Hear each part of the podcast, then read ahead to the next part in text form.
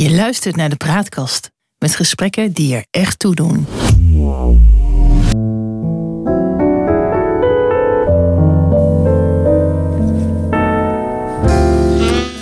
Welkom bij de Praatkast.nl. Dit is een aflevering van het Geheugenpaleis. Mijn naam is John Knierim en samen met Han van der Horst maken we deze podcast. De geschiedenis herhaalt zich nooit, maar rijmen doet hij vaak wel... en dat gegeven gebruiken we in het Geheugenpaleis om dieper in te gaan op de actualiteit. Zo gaan we de baan van de dag voorbij en bereiken we de kern van het nieuws... en we scheppen orde in een maalstroom van berichten die het zicht op de grote lijn belemmeren. En tussen beide blijkt dat de werkelijkheid vaak genoeg elke fantasie te boven gaat. John, eh, jij wilt het vandaag hebben over eh, obesitas. Eh, dat vind ik een beetje out of character gezien het feit dat je zelf een, een sportman bent en een frequent bezoeker van de sportschool. Wat bezielt je? Nou, de, ja, dat is wel een leuke vraag. Het is, het is natuurlijk ook niet voor niks dat ik naar die sportschool eh, toe ga. Omdat ik het eh, belangrijk vind om eh, op mijn leeftijd te proberen in, in shape te blijven en gezond te blijven. Maar ik heb pas een boek gelezen van een Amerikaan, dokter Robert Lustig. Hij is eigenlijk kindergeneeskundige arts. En hij heeft een boek geschreven dat heet Metabolical. En daarin eh, beschrijft hij eh, heel veel dingen uit zijn praktijk. Onder andere dat hij al eh, kinderen een nieuwe lever heeft gegeven. Omdat een, een, een die, die kinderen hadden, moesten een levertransplantatie ondergaan. Omdat hun lever zo vervet was. Zo, ja, ze hadden levercirrose. Normaal heb je dat van alcohol. Maar dat kan ook door suiker komen. En hij heeft een boek geschreven. Hij heeft al eerder een boek geschreven over, over suiker. Het gevaar van suiker. En hij gaat nu in eigenlijk eh, op, op ons bewerkte en ultra bewerkte eh, voedsel. 62% van het voedsel uit de supermarkten is bewerkt of is super bewerkt. En hij zegt dat we daar ziek van worden en dat we ons langzaam vergiftigen. Omdat er geen vezels meer in zitten. En om, omdat er allerlei stoffen in zitten, niet meer in zitten die erin zouden moeten zitten. Ehm, en ja, we hebben eigenlijk een verslaving aan bewerkt eh, voedsel. En de industrie, de voedselindustrie, maar ook de big pharma en de institutionele geneeskunde. Ja, die blijft dat maar promoten. En hij zegt, ja, het is toch raar dat we hebben allerlei richtlijnen gezonde voeding. Hebben ze ook in Amerika. Maar iedereen met een westers dieet, eh, eh, al die maatschappijen, daar zijn de mensen veel te dik eh, geworden. En dat komt omdat hij, zoals hij dat dan zegt, ja, we eigenlijk niet goed genoeg voor ons lever zorgen. Te veel suiker leidt tot levercirrose. en ook niet goed genoeg voor onze darmen zorgen, waardoor we allerlei ziektes ontwikkelen, zoals diabetes, hartziekte, vette leverziekte, kanker en dementie. Nou ja, we zien het om ons heen natuurlijk, dat er ook in Nederland een, een obesitas-epidemie langzaam gaande is. Dus ik vond het wel een interessant onderwerp. Want ik dacht van ja, hoe, hoe aten we nou vroeger? Maar misschien moeten we eerst eens ingaan op of jij gevoel hebt met wat die man beschrijft. Of dat je denkt van ja, daar zit wat in. Of is het echt, vind je het allemaal onzin? Eh, nou ja, ik, ik, ik heb een beetje daar twee soorten gedachten bij. Hè. De eerste gedachte is natuurlijk, daar heb je weer zo'n profeet die één medicijn Ja, heeft ja, voor, voor alle problemen. Maar Alle aan kwalen, de andere kant is dat verhaal wat hij vertelt eh, toch wel redelijk algemeen gangbaar. Suiker is op het moment. eh, heel erg eh, bezig zijn mooie reputatie te verliezen. Het wordt door steeds meer deskundigen beschreven als een, soort kwaad, een verslavend goedje dat de mensheid meer eh, veel slechts eh, brengt. Maar je moet, maar je moet begrijpen, Han, dat, dat zeg maar onder je nek je lichaam geen verschil maakt tussen brood en suiker. Dat is hetzelfde voor het lijf. Dat wordt op dezelfde manier verwerkt. Het zijn koolhydraten, vaak snelle koolhydraten, die tot, eh, tot eh, eh, ja, een suikerpiek leiden in ons lijf, waardoor we veel insuline aanmaken, waar we insuline- insulinepiek krijgen. Dat kan het lichaam op een gegeven moment niet meer aan. En dan krijg je wat we noemen insulineresistentie. En daar ontstaat diabetes door. De vraag is, en dat is even een heel andere vraag die ik aan je stel. Kunnen wij 8 miljard mensen met onbewerkt voedsel voeden? Ja, ik denk dat het antwoord daar volmondig nee voor moet zijn. En dat is ook altijd het gesprek wat ik heb. Ik zeg ja, suiker heeft ook in een heel veel landen voor verbeteringen zorg gedragen. Of beschikbaarheid van koolhydraten. Dat mensen konden eten en dat ze niet doodgingen van de honger. Dus het, in die zin heeft het ook geholpen natuurlijk. Ja, laten, we, laten we zeggen dat dokter Loestiek gelijk heeft. En ik denk dat hij een groot stuk van het wetenschappelijke gelijk aan zijn uh, zijde heeft. Uh, is dan het probleem bewerkt voedsel of is het probleem verkeerd bewerkt voedsel? Uh, ultra bewerkt voedsel is het probleem. Hij zegt blijf zo dicht mogelijk bij uh, de bron. En dan hebben we bijvoorbeeld wat slecht is, is chips. Want daar, ja, daar zitten ook weer, uh, weer allerlei andere stoffen in. Allemaal kaakjes en koekjes. Allemaal. Nou ja, 60% van wat je in de supermarkt koopt is ultra bewerkt ook pasta, ik bedoel, dat, dat is dan wel van meel gemaakt. Maar daar is niks meer van het, van het oorspronkelijke vezels en dat soort dingen zitten erin. Ik zei eens wat over, over die, eh, die, die beroemde presentator van het ochtendnieuws van RTL vertellen, Jan de Hoop. Dat weet ik. Jan de Hoop, Jan ja. de Hoop, dat weet ik van zijn buren. Die kreeg op een gegeven moment. Uh, te veel last van uh, vetrolletjes. En dat heeft hij opgelost door zijn pasta, door uitsluitend pasta te eten gebaseerd op spelt. En ook uitsluitend speldbrood, omdat spelt in tegenstelling tot tarwe die kwade eigenschappen met betrekking tot koolhydraten veel minder heeft. Ja, dat zijn dan waarschijnlijk langzame koolhydraten, waarbij het lichaam er langer over doet om dat op te nemen. Ja, zo zijn er allemaal anekdotes uh, natuurlijk. Ja, ja. Nou goed, het is schuivende. Wat wel duidelijk is, is dat. dat bijvoorbeeld in het boek staat, of we zijn groot geworden met de redenering: een calorie is een calorie. Hè?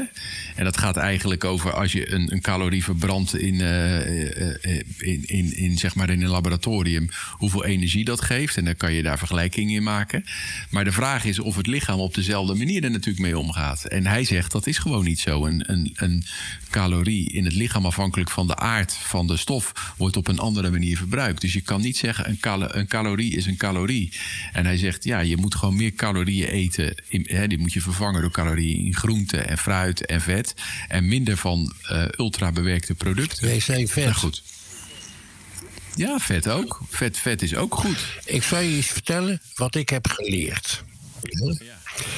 Uh, de gezondheidssituatie van het Nederlandse volk tijdens de bezetting van 1940 tot 1944 was een stuk beter dan in de tien jaar daarvoor. Hoe kwam dat? Dat kwam door de voedseldistributie. Tot het aanbreken van de hongerwinter was er voor iedereen genoeg eten. En dat eten was heel erg vetarm. En dat was goed voor de gezondheid van de mensen. Klopt dat niet?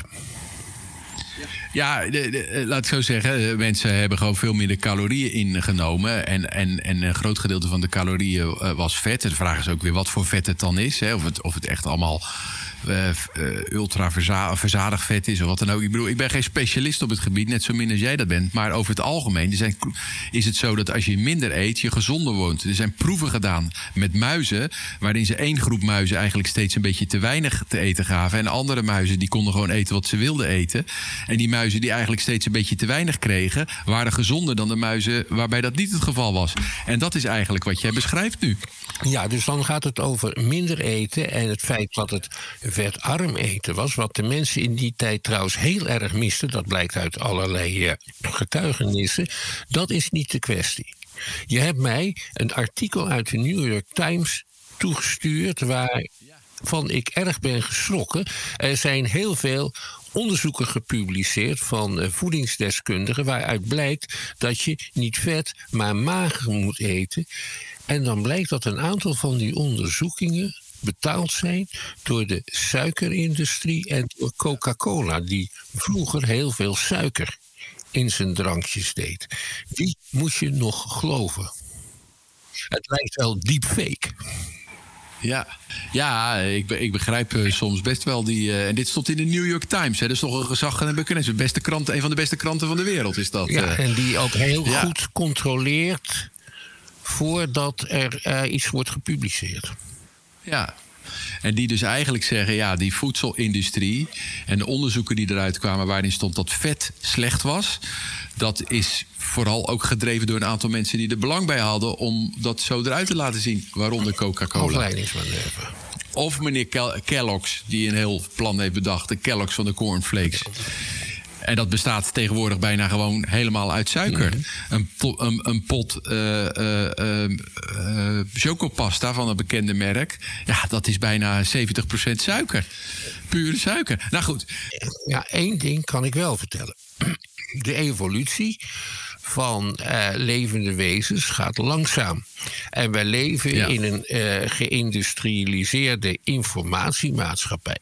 Maar lichamelijk zijn we nog steeds ingesteld op een uh, leven van een half miljoen jaar geleden. En dat wil zeggen dat we in kleine groepjes over de steppen zwerven. En dat we knollen en wortels uit de grond halen en planten eten. En verder met veel moeite grote en kleine dieren vangen. En die we dan, omdat we het vuur hebben uitgevonden, kunnen roosteren. Dat is het leven. En daar is het menselijk lichaam op ingericht. En bovendien werd je in die tijd, schat ik, maximaal zo 35, 40 jaar oud. Ja, doordat je uh, te prooi viel aan misschien wilde dieren, aan oorlogen, ziektes die niet behandeld konden worden. Ja.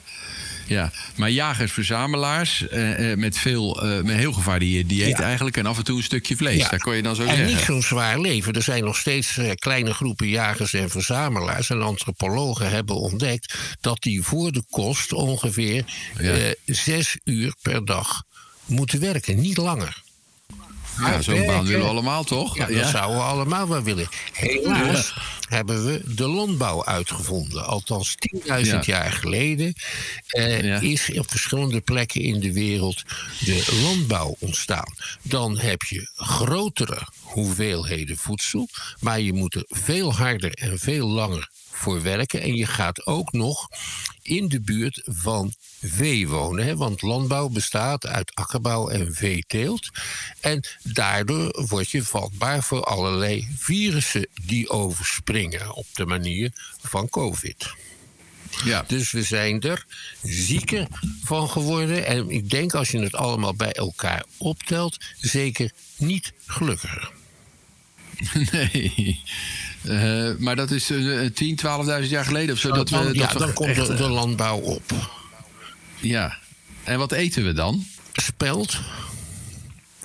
Emmer, dat is een graansoort verwant aan, uh, aan tarwe. We beginnen melk te drinken van koeien en, en van geiten en van schapen. Uh, soms gaan we met grote kuddes rondzwerven uh, als we meer op akkerbouw gericht zijn. Of onze beesten voeren met producten die we zelf verbouwen, worden we sedentair. Er ontstaat een mhm. gela veel gelaagdere samenleving met uh, uh, hoge en lage geplaatste mensen en met koningen. En op de duur ontstaan er zelfs heel ingewikkelde rijken die uh, vanwege hun denkbeelden over hemel en aarde bijvoorbeeld een zeer belangrijk gedeelte van hun surplus en hun werkkracht besteden aan het bouwen van tempels en piramides. Dat is het zo'n beetje. Ja. En dat gaat dan door tot, tot, tot, tot wanneer? Uh, en is er altijd eten geweest? Of, of, of ja, is dat ook wel eens misgegaan? Zijn mensen dik, dun? Weten we daar iets van? Nou, voor zover we het kunnen bekijken, zijn uh, de mensen in het algemeen, behalve sommige zeer rijke personen, nooit zo verschrikkelijk dik geweest. Er was gewoon hmm. niet genoeg uh, eten voor. Er waren ook tot in de 19e eeuw regelmatig grote hongersnoden na mislukte oogsten. En het kon ook zijn dat uh, landbouw ineens onmogelijk werd. Dat is bijvoorbeeld de ondergang van de Maya-beschavingen geweest. Die hadden hun grond uitgeput en ze kregen te maken met een kleine klimaatverandering. Dus, uh, dus dat soort dingen gebeuren steeds. Um, Hendrik VIII, de koning van Engeland, die kon zich natuurlijk veroorloven te eten zoveel als hij wilde.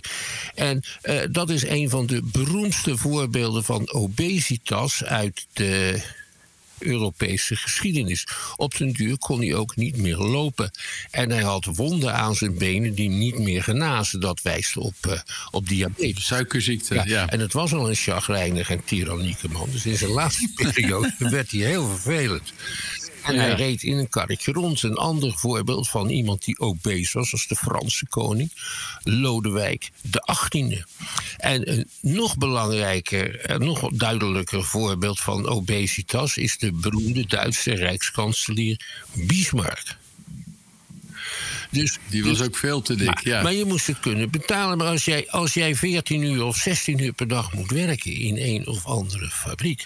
je kan geen vlees betalen uh, je leeft van aardappelen voornamelijk, dan krijg je gewoon de kans niet om zo enorm dik te worden. Nou ga ik iets anders vertellen. Suiker is de wraak van de slaven op ons. Dat, dat moet je uitleggen. Een bepaalde stelling. Suiker, ja. dus, uh, de, zoet, de zoetstoffen in de grote delen van de wereld. Waar kwamen die vandaan? Uh, uit bepaalde planten, maar toch voornamelijk van honing, bijenhoning. Ja. Suiker kwam uit India. In India kende men suikerriet. En de suiker uit dat suikerriet was zeer begeerd, maar ook buitengewoon duur. Uh, sommige moslims en de meeste en zijn, er, hebben toen ontdekt dat je uh, op plantages suikerriet in grote hoeveelheden kon kweken.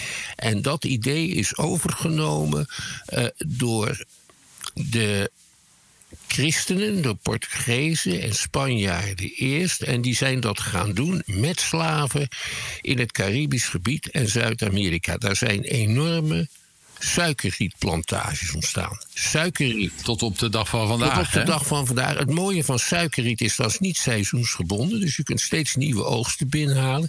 Het is heel hard en zwaar werk. Uh, en die suikerplantages hebben ervoor gezorgd dat suiker voor grote delen van de bevolking in Europa betaalbaar werd. Ja, en die waren er niet geweest zonder de slaven. Dus eigenlijk hebben de slaven daarmee wraak genomen door nu zeg maar, de rijke mensen uh, ten opzichte van de slaven ziek te maken. Ja. Er is nog zo, er is nog zo.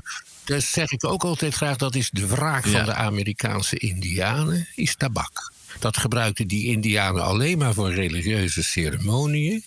Maar ze hebben ook de ontdekkingsreizigers een pijpje gegeven. En nou is de hele, daardoor is een groot deel van de wereld aan tabak verslaafd geraakt. Niet veel minder dan vroeger. Maar die uh, tabak heeft ervoor gezorgd dat de, ook in, in het verleden de, de gemiddelde levens een stuk lager was dan uh, mogelijk was geweest. Tabak en suiker. Dat brengt je op het idee om aan suikertax in te voeren. Want dat is er op tabak nu ook. Dan keren wij dus terug naar het verleden, toen alleen de rijken dik konden worden en een heleboel suiker tot zich nemen. Uh, en wat die levercirrose betreft, dat, uh, dat, krijg je van, uh, dat, dat krijg je ook van excessief alcoholgebruik. Maar bij het maken van, van alcohol komt gisten pas en het creëren van suiker. Ja. Ik ben Schiedammer, dus ik weet hoe dat werkt. Nee, alcohol wordt in het lichaam gezien als een soort van suiker, volgens mij. Als een soort, ja... Ja, dus in die zin uh, lijkt dat heel erg uh, op elkaar. En, en uh, is het niet gek dat er ook cirrose ontstaat door een teveel aan, aan suiker. Maar ja, daar moeten we dan eigenlijk van terug. Maar ja, nog even terug op onze eten. Wat, la langere tijd geleden. Ik bedoel, wij zijn in Nederland een echte lange tijd zo'n zo'n aardappeleters geweest. Hebben we, hebben we in Nederland altijd aardappels gegeten? Heel lang niet. Aardappels komen uit Peru. En die zijn in de 18e eeuw op grote schaal in uh, grote delen van Europa ingevoerd als landbouwgewas. Met name in Ierland en in Nederland. En je kan zeggen dat in de periode 1750 tot 1800 aardappelen het hoofdvoedsel zijn geworden van het grootste deel van de Nederlanders. En nog steeds is aardappelen iets. aardappelen worden in Nederland niet als groente beschouwd in grote andere delen van Europa wel. is het een groente, net als andere groentes. Maar bij ons is het de basis van de maaltijd. En zo rond ach, in de tijd van, in de Franse tijd, in de eerste helft van de 19e eeuw, was de levensstandaard in, uh, in Nederland bijzonder laag. Het was een haveloos verarmd land. En dankzij aardappels kon de bevolking in leven worden. Hoe is dat dan gegaan? Wie bracht dat dan mee naar, naar Nederland? Uh, weten we dat? En, en, en dat werd ineens heel snel heel populair dan. Er werd heel snel werd het overgenomen, net als pizza's. En het groeit natuurlijk goed. Ja, het is niet zo moeilijk om te verbouwen, zeg maar. Het is niet zo moeilijk om te verbouwen. Het brengt uh, genoeg op. Ja. Uh, we zijn ook in Nederland echt een hele grote aardappelkenners geworden. En ontwikkelaars van, uh, van nieuwe rassen. Ja.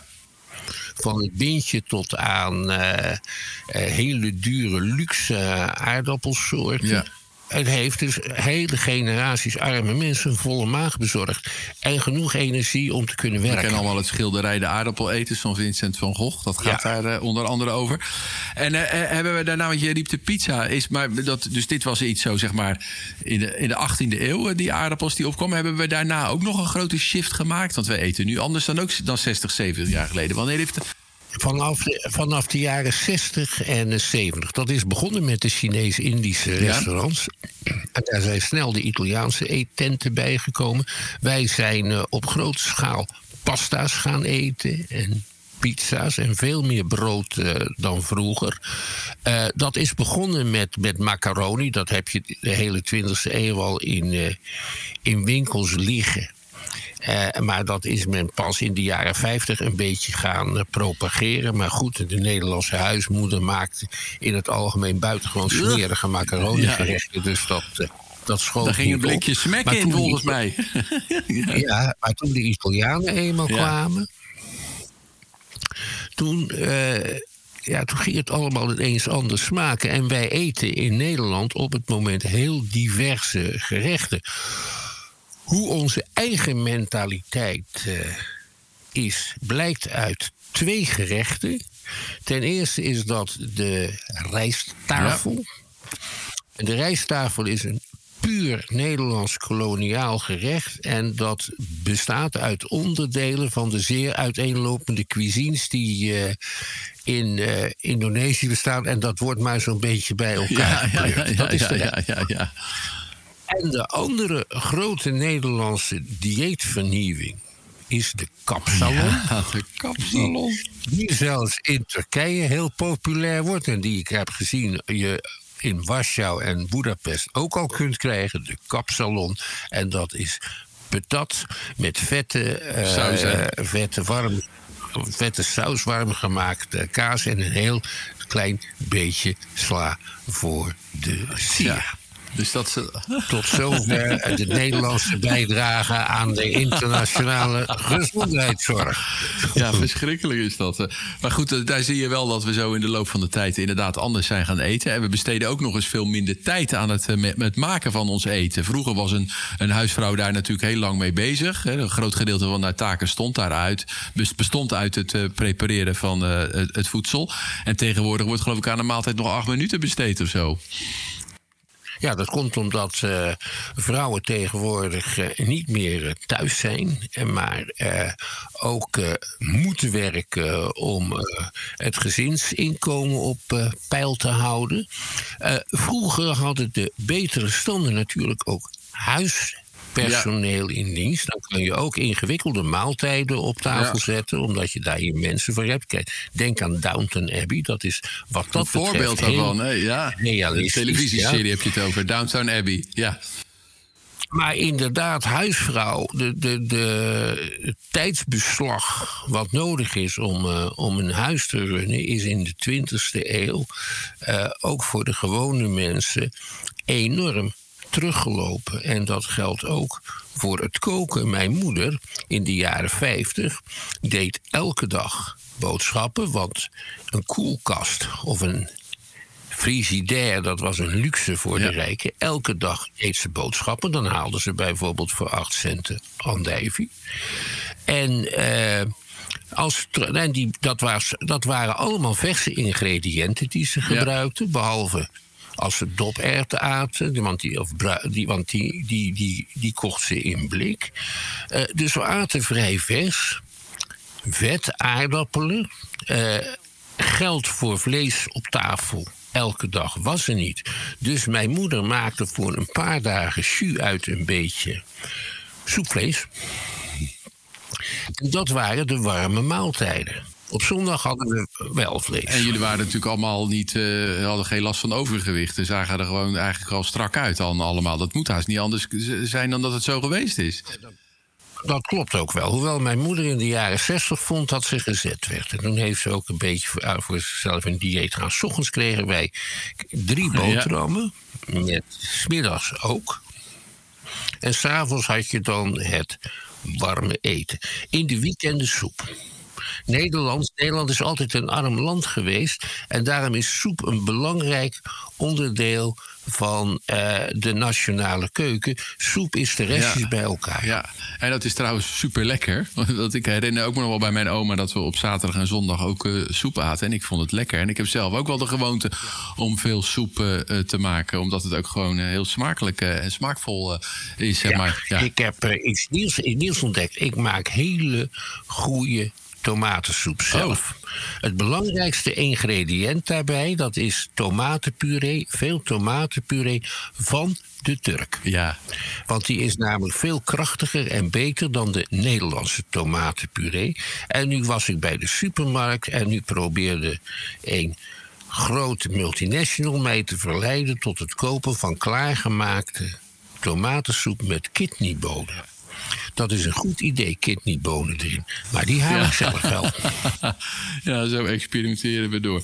Nou ja, als je, wat ik eigenlijk dan een beetje afrondend zo, zo leer... is het feit dat wij ja, veel welvarender zijn geworden. Dat betekent dat we ook meer geld kunnen uitgeven aan voedsel en gemakvoedsel. En dat heeft onze gezondheid dan geen, geen goede dienst bewezen eigenlijk. Nee. Maar het betekent dus dat we op de een of andere manier aan gezond gemaksvoedsel zouden moeten Precies. zien te komen. Ja. En dat is er wel. Uh, ik ben zeer bevooroordeeld ten opzichte van konijnenvoer. Ja. Uh, maar ik was op een receptie met veganistische Ja. hapjes. Dus ik begon al bedenkelijk te kijken. En ik proefde, maar het was lekker. Dus het is eigenlijk een pleidooi voor, voor ja, gemaksvoedsel, maar dan op een gezonde uh, wijze klaargemaakt. Uh, En dat is, uh, dat is dan een oproep aan de industrie. Ik denk niet een oproep aan de Landbouwuniversiteit in Wageningen en andere instanties waar ze ook aan dit soort productontwikkeling doen. En dat zal best wel in orde zijn. Er lopen daar genoeg idealistische studentjes ja. rond. Maar het punt is, het moet in de massaproductie ja. komen. Ja, daar zijn nog grote uitdagingen. Ja. En, uh, en, en, en, moet ook meer afgelopen zijn met de misleidende reclame. Zoals bijvoorbeeld de Nederlandse grote melkcoöperaties die uh, hebben gebruikt. Tot nog niet eens zo lang geleden. Ze verkochten bijvoorbeeld gecondenseerde melk in Azië van het merk Dutch Baby. Daar stond een heel gezonde, dikke baby op. Je kan beter je kinderen gecondenseerde melk geven dan moedermelk. Was de onuitgesproken conclusie die heel veel mensen daaruit trokken in die arme landen. Ze lengden de melk te veel aan. Ze gebruikten daar vaak niet al te schoon water voor. En dit soort grappen, daar wordt steeds meer een eind aan gemaakt. Maar het is nog steeds niet helemaal beëindigde misleidende reclame. Ja, dat is ook waar Loestig in zijn boek uh, op, uh, op ingaat. Misleidingen die door de voedselindustrie uh, ja, gehanteerd wordt... om ervoor te zorgen dat we de dingen kopen. We moeten het hierbij laten, Han. Ik, ik denk, ja, één ding wil ik nog zeggen. Ik denk dat rond kinderprogramma's elke reclame voor voedsel moet worden verboden. Laten we daarmee uh, eindigen, deze aflevering van het uh, Geheugenpaleis. We maken dit in samenwerking met de Praatkast. En de uitzendingen zijn dan ook te vinden op www.praatkast.nl. Maar ook in je favoriete podcast-app. Abonneer je op ons, uh, dan krijg je automatisch bericht wanneer de nieuwe aflevering online komt. En vertel je vrienden over ons en laat vooral ook een beoordeling achter, zodat we nog beter gevonden worden. En wil je ons mailen, stuur dan een bericht aan info.praatkast.nl. voor nu bedankt voor het luisteren en tot de volgende keer. Wees gelukkig, blijf gezond. U weet nu hoe dat moet.